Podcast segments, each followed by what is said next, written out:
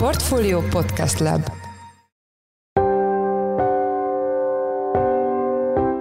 Üdvözlünk mindenkit! Ez a Checklist a Portfolio munkanapokon megjelenő podcastje augusztus másodikán, kedden. A mai műsor első részében a Vladimir Putyin által már több alkalommal hivatkozott Iván Iljin 20. századi orosz filozófus és politikai gondolkodó életével, munkásságával és nézeteivel foglalkozunk. Ez az orosz diktátorról szóló Iljini elképzelés, ez, ez nagyon jól korrelál azzal a képpel, amit Putyin próbál magáról kialakítani Oroszországban. Ehhez hozzájárul ez a férfiasságról szóló elképzelése Iljinnek, tehát hogy ennek a diktátornak férfiasnak kell lennie. Putyin ugye számtalan megjelenésében, fotókon, videókon közvetíti, hogy ő milyen férfias egyén félmeztelenül vadászik medvére, stb. Ugyanakkor nem csak ebben, hanem eszmeiségében is sok tekintetben megegyezik Ijinnel. Iván Iljin eszméinek és Vladimir Putyin politikájának kapcsolatáról Kis Csabát, a portfólió globál ravatának elemzőjét kérdezzük. Az adás második részében egy friss felmérésről lesz szó, aminek keretében most azt vizsgálták, hogy a magyar családok mire költötték az évelején megkapott SZJL visszatérítést. Én Pitner Gábor vagyok, a Portfolio Podcast Lab szerkesztője, ez pedig a checklist augusztus másodikán. Vladimir Putyin orosz elnök számos beszédében hivatkozott egy 20. századi orosz filozófusra, politikai gondolkodóra és újságíróra, Ivan Iljinre. Iljin annak idején lelkesen üdvözölte Mussolini, majd Hitler hatalomra kerülését, és víziója volt egy mindenek feletti nemzeti diktátor és a tökéletes kollektivizmus eljövetele. Iljin eszméinek és Putyin politikájának kapcsolatáról kérdezzük műsorunk vendégét, Kis Csabát, a portfólió globál rovatának elemzőjét. Szia Csaba, üdvözöllek a checklistben. Szia, üdvözlöm a hallgatókat. Arra kérlek először, mutasd be nekünk, ki volt Iván Iljin. Iván Iljin 1883-ban született Oroszországban egy nemesi családban. Apja arisztokrata volt, anyja pedig egy német származású, szintén nemesi származású hölgy, és ezért Iljin kiválóan beszélt az orosz mellett németül is, ami majd később hasznára volt, amikor németországi, majd svájci emigrációba került. Ilyin számára az 1917-es orosz bolsevik forradalom okozott jelentős törést, hiszen mint nemesi származású számára a kommunizmus, a nemesi jogoknak az eltörlése, az egész régi rendszernek az eltörlése lényegében egy olyan fordulatot jelentett, amely az egész régi életét megszüntette, és később aztán 1922-ben emigrációra is kényszerült. Először Németországba ment, ahol egészen 1938-ig élt. Itt élte meg Hitlernek hatalomra kerülését is, majd aztán egyre inkább szembe került Hitlerrel, hitleri nézetekkel, amelyeket kezdetben még üdvözölt, és aztán emiatt 1938-ban Svájcba emigrált, ahol pedig egészen 1954-es haláláig élt. Halál után évtizedekig igazából egy elfeledett szerző volt, és valójában a, a 2000-es évektől kezdve Putyin hatalomra jutása után kezdték el felfedezni őt Oroszországban. Állítólag Nikita Mihálylov, a híres orosz filmrendező mutatta be a, az ő eszmét Putyinnak, és aztán egy hatalmas Ilyin reneszánsz történt Oroszországban, amely minden mai napig tart, és igen, Putyin rendszeresen hivatkozik Ilyin eszméire és Ilyin szövegeire. Tudni lehet róla, hogy kezdetben a jogállamiság oroszországi bevezetéséről gondolkodott, később azonban a fasizmus eszméi felé fordult. Melyik életszakaszában történt mindez, és milyen írásaiból látszik ez egyértelműen? A nagy fordulatot a már említett 1917-es orosz forradalom, bolsevik forradalom hozta el, az októberi forradalom, ugyanakkor már előtte látszik műveiben egyfajta kollektivizmus felé való elfordulás. A híres német filozófusról, Hegelről írott diszertációjában, filozófiai diszertációban egy nagyon különleges, furcsa nézetrendszert fejt ki, amelyben azt állítja, hogy tulajdonképpen Isten tévedést követett el a teremtéssel, azzal, hogy emberi egyéneket hozott létre, ezzel, a, ezzel az isteni tökéletességet fölbontotta egyénekre, és igazából Jügyén szerint az lenne a feladata az emberiségnek, hogy ezt a egyéniségből visszakerüljön a, ebbe a kollektívumba, az isteni tökéletesség kollektívumába. Ezt a kollektív, kollektivista elképzelést már ebből a diszertációból is kifejtette, és aztán ez a fajta kollektivizmus ment át nála később a fasizmus irányába, egy ilyen nemzeti népi kollektivizmusba. Nála ez természetesen egy orosz kollektivizmus jelentett, ahogy Hitler számára német kollektivizmus volt a német népnek a felmagasztalása, úgy Iljinnél az orosz népnek a felmagasztalása. Az orosz népet egyfajta messianisztikus népnek tartotta, amelynek ilyen messianisztikus küldetése van, és amely leginkább képes az összes nép közül az egyéneket egy kollektívumba egyesíteni. Iljinnek víziója volt egy történelmi léptékben is kiemelkedő nemzeti diktátor vezette orosz birodalom, és ugye az általad az előbb említett tökéletes kollektivizmus. A kollektivizmust azt hiszem most már értjük, így ahogy elmagyaráztad. Hogyan nyilatkozott a nemzeti diktátorról, mik voltak az elképzelései a tökéletes vezetőről? Én szerint ez a nemzeti diktátor lényegében maga természetességével képviselni az orosz népet, tehát őt igazából nem választják, hanem őt a természet választja ki, vagy úgy is mondanák, Isten választja ki erre a feladatra ez a, ez a nemzeti diktátor az összes hatalmi ágat, tehát a, a végrehajtó, törvényhozó és bírói hatalmat is gyakorolja, emellett a hadsereg főparancsnoka is, tehát egy tökéletes, abszolútista hatalmat gyakorol ez a diktátor. Fontos jelző még ennek a diktátornak így szerint, hogy férfias, és hogy a maga természetességénél fogva képviseli a hatalmat. Miből következtethetünk arra, hogy Putyin behatóan tanulmányozta Iljin munkásságát, és a filozófus hogyan gyakorolt hatást Putyinra? Mikből látszik ez? Egyfelől abban látszik, hogy ez az orosz diktátorról szóló Iljini elképzelés, ez, ez nagyon jól korrelál azzal a képpel, amit Putyin próbál magáról kialakítani Oroszországban. Ehhez hozzájárul ez a férfiasságról szóló elképzelése Iljinnek, tehát hogy ennek a diktátornak férfiasnak kell lennie. Putyin ugye számtalan megjelenésében, fotókon, videókon közvetíti, hogy milyen férfias egyén félmeztelenül vadászik medvére, stb. Ugyanakkor akkor nem csak ebben, hanem eszmeiségében is sok tekintetben megegyezik Iinnel. Például nagyon fontos gondolta Iinnek, hogy az orosz nép szerint állandóan áldozat volt a történelm során.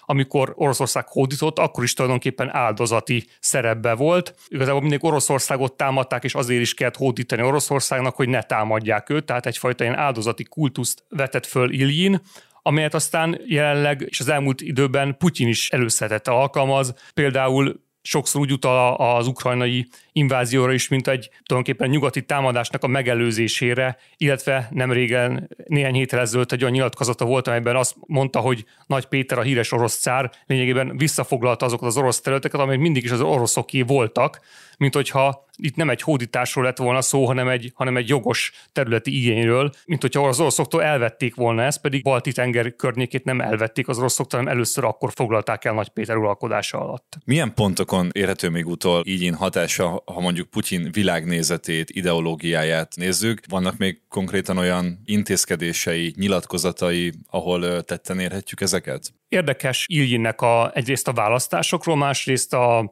pártokról és a civil szervezetekről valott nézetei. Ilyen szerint választás az tulajdonképpen nem azt jelenti, hogy a nép többsége kiválasztja azt, hogy ki legyen a vezetője, hanem tulajdonképpen tudjuk, hogy ki is a népnek a vezetője, ez az orosz diktátor, aki maga természetességénél fogva képviseli a népet. Szükség van ugyanakkor választásra, hiszen ez a modern politikai berendezkedésnek az egyik fontos jellemzője. Ez a választás, ez, ez csak jelképes, tulajdonképpen egy nyílt szavazás, amelyben a nép kinyilvánítja, hogy őt megválasztja ezt a diktátort, nincs alternatíva, nincsen, nincsen más lehetőség, mint erre a diktátorra szavazni, ezt nyíltan meg kell tenni a népnek, sőt alá is kell írni a szavazó cédulát. Na most, hogyha megnézzük azt, hogy, a, hogy az elmúlt orosz választásokat a Putyin, illetve az Egységes Oroszország párt, amely Putyin pártja milyen mértékben hamisította meg, ezekről világos bizonyítékok vannak, akkor látható, hogy Putyin se úgy tekint a választásokra, mint amely arról szólna, hogy különböző alternatívából megválasszák a, a legmegfelelőbbet, már csak azért sem, hiszen az elnökjelöltek, akik Putyin mellett elindultak, tulajdonképpen mind a Kremlnek a jelöltjei voltak, csak ilyen létrehozott pártoknak a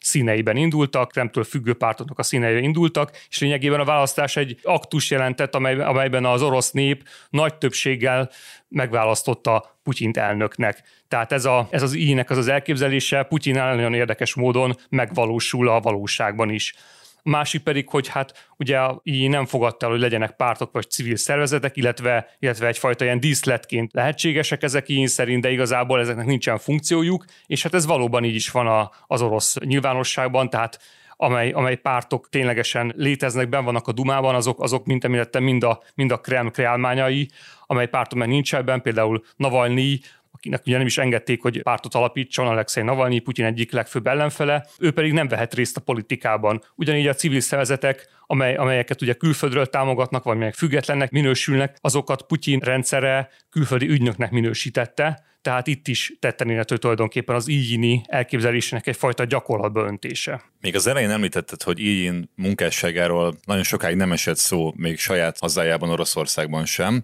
Az ő reneszánszához Vladimir Putyinnak közvetlen van köze. Milyen lépéseket tett egyébként az orosz elnök? Miből látszik az, hogy ő szerette volna a közszudatba visszahozni ezeket az eszméket? 2005-ben került sor Iván Illin újratemetésére Moszkvában a Domszkoly kolostorban. Ezt az újratemetést ezt maga az akkori moszkvai pátriárka, Alexi pátriárka celebrálta. Majd egy évvel később Putyin egészen az Egyesült Államokból hozatta haza Ijének a hagyatékát, ott, ott tárolták a halála után Ijén hagyatékát évtizedeken keresztül, ezt 2006-ban visszahozatta Putyin Oroszországba, majd pedig erről fotók is vannak, fotók is árulkodnak, hogy Putyin kilátogatott Ijén sírjához is megkoszulúzta Ijin sírját. Később aztán elkezdték Ijin könyveit újra kiadni Oroszországban, a németül kiadott könyveit lefordították oroszra, sőt, olyan is előfordult 2014-ben, hogy az Egységes Oroszország párt Putyin pártja, illetve az összes oroszországi kormányzó megkapta Ijének az egyik könyvét ingyen, hogy agyaszt forgassák.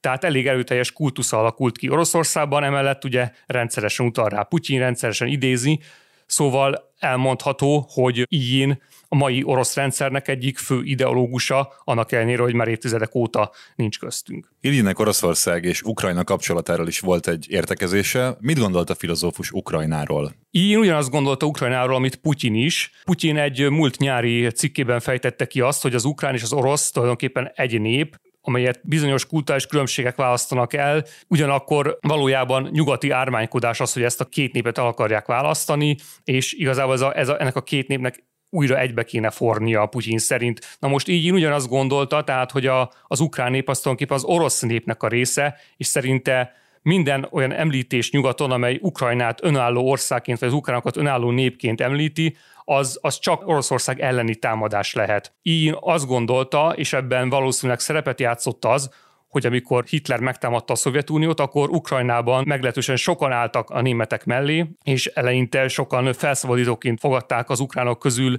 Hitlert és a németeket. Ebből így azt a következtetés vonta le, hogy Németország később Ukrajnán keresztül áshatná majd alá Oroszország hatalmát. Így komolyan félt attól, hogy a nyugat szét akarja verni Oroszországot, szét akarja verni az orosz birodalmat. Meg is jósolta azt, hogy a Szovjetunió szét fog esni, amelyben igaza is lett. Azt gondolta egyébként, hogy a németek majd nyugat felől, Ukrajnán felül verik szét az orosz birodalmat, a japánok kelet felül, a britek pedig majd dél felől a közép-ázsiai országok, közép-ázsiai volt szovjet tagköztársaságok felől fogják majd szétvenni az orosz birodalmat, vagy a szovjet birodalmat. Ez végül is nem, nem valósult meg, ugyanakkor a Szovjetunió szétesése megvalósult. Nem ez az első eset, hogy te Vladimir Putyira nagy hatás gyakorló régi orosz filozófusokról írsz cikket. Korábban már itt a checklistben is beszéltünk Alexander Dugin munkásságáról. Mi a te személyes kapcsolódásod a témához, hogy miért tartott fontosnak, hogy ilyen szemszögből is megvizsgáljuk Putyin nézeteit és döntéseit? Részben az a személyes kapcsolódásom, hogy filozófiát tanultam az egyetemen, ezért fontosnak tartom, hogy a, tulajdonképpen a filozófiai hátterét megnézzem Putyin munkásságának, vagy az egész orosz gondolkodásnak. Másrészt úgy gondolom, hogyha nem is ilyen szélsőséges formában, mint ahogy ezt Iván Iljin vagy Alexander Dugin kifejtették, azok a nézetek, amelyeket ők megfogalmaztak, például az orosz messianizmusról szól nézetek, azok mélyen benne vannak az orosz népnek a gondolkodásában tulajdonképpen amire Ijin és Dugin is utal az orosz messianizmusra, azok már 19. században jelölő nézetek, az úgynevezett orosz narodnyikok, és például Fodor Mijánovics Dostoyevsky, a bűn és bűnödés híres írója is sokszor írt az orosz messianizmusról, tehát ezek a nézetek abszolút jelen vannak évszázadok óta az orosz gondolkodásban, és ezek természetes módon hatnak az orosz vezetőkre is, és ez a fajta messianisztikus tudat megjelenik Putyin szövegeiben is, megjelenik Putyin gondolkodásában is, és ezért tartom fontosnak, hogy ezeket a filozófusokat, amelyek ezeket a gondolatokat, ezeket a mélyen megbúvó gondolatokat megfogalmazzák, ezeket a filozófusokat tanulmányozzuk, és ezáltal jobban megérthetjük, hogy hogyan is gondolkodik Putyin, ezzel pedig jobban rávilágíthatunk arra, hogy miért teszi azt, amit tesz. Köszönjük szépen! Az elmúlt percekben Kis Csaba, a portfólió globál rovatának elemzője volt a vendégünk. Köszönjük Csaba, hogy itt voltál velünk a műsorban. Én is köszönöm. Pénzcentrum hétfői cikke részletesen foglalkozott a KNH Bank biztos jövő elnevezésű felmérésével, amiben a pénzintézet nem csak azt kutatta, hogy mekkora összeget kaptak vissza a magyar családok az idei SZIA visszatérítés során, hanem azt is, hogy mire költötték az összeget. A témával kapcsolatban itt van velünk Szántó Péter, a Pénzcentrum szerkesztője. Szia Peti, üdvözöllek a checklistben. Szia Gábor, üdvözlöm a hallgatókat. Mit kell tudni a KNH Bank biztos jövő elnevezésű felméréséről úgy általában, és mi volt a mostani kutatásnak a lényege? A felmérésről nagyjából annyit kell tudni, hogy negyed évente jelenik meg, és a 30-59 éves korosztályban vizsgálja az emberek biztonságérzetét, leginkább befolyásoló tényezőket, tehát az anyagi helyzetüket, utazási szokásaikat, közlekedésüket, tehát egy csomó tényezőt megkérdeznek, és arra is kíváncsiak, hogy mit várnak az emberek a jövőben hogyan fog alakulni, például az anyagi biztonságuk. A mostani kutatás pedig arról szólt, hogy mire költötték a jogosult szülők az SZIA visszatérítéseiket az év elején. És mekkora visszatérítést kaptak átlagosan a családok, mielőtt belevágunk abba, hogy mire költötték, és mik a szélső értékek így a visszatérítésben? Annyit kell tudni, hogy jogosultanként maximum 809 ezer forintot utalt vissza az állam, tehát egy házaspár esetében, hogyha mind a ketten a maximálisra jogosultak, akkor 1,6 millió forintot kaphattak készhezem, de most a kutatásból az derült ki, hogy átlagosan 596 ezer forintot kaptak vissza a családok, az érintettek 20%-a pedig 250 ezer forint alatti bevételről számolt be. 10-ből 4 háztartásnál pedig 250 ezer és 749 ezer forint közötti összeg érkezett be a családi költségvetésbe. És csak 3 nyian vannak azok, akik legalább másfél milliót kaptak. Mi lett a kutatás eredménye abból a tekintetben, hogy mire költötték ezt a pénzt a családok? A kutatásból az derült ki, hogy a jogosultak harmadának sajnos megette az infláció az SZIA visszatérítését, tehát ők mindennapos kiadásokra illetve megélhetésre fordították a befolyt összeget. A jogosultak másik harmada viszont megtakarította, eltette ezt a pénzt, 14% pedig hiteltörlesztésre illetve adósságrendezésre fordította az összeget. 20% pedig simán elköltötte szórakozásra és különféle nem mindennapi termékekre, tehát gondolok itt elektronikai cikkekre például. Ugye hát ezek voltak a fő kategóriák, a megélhetés, a mindennapos kiadások, illetve a megtakarítások, az adósságrendezés és a szórakozás. Viszont arra számíthatunk, hogy egyre többen fognak a következő időszakban a megtakarításaikhoz nyúlni, hiszen az infláció még mindig csúcson van, kézzel fogható a drágulás a boltokban, és hát ugye sok család fog jövő hónattól készhez kapni eléggé vaskos rezsicsekket. Úgyhogy ez mind-mind olvasztani fogja a megtakarításokat. Köszönjük szépen! Az elmúlt percekben Szántó Péter, a Pénzcentrum szerkesztője volt a vendégünk. Köszönjük Peti, hogy itt voltál a műsorban. Köszönöm, sziasztok!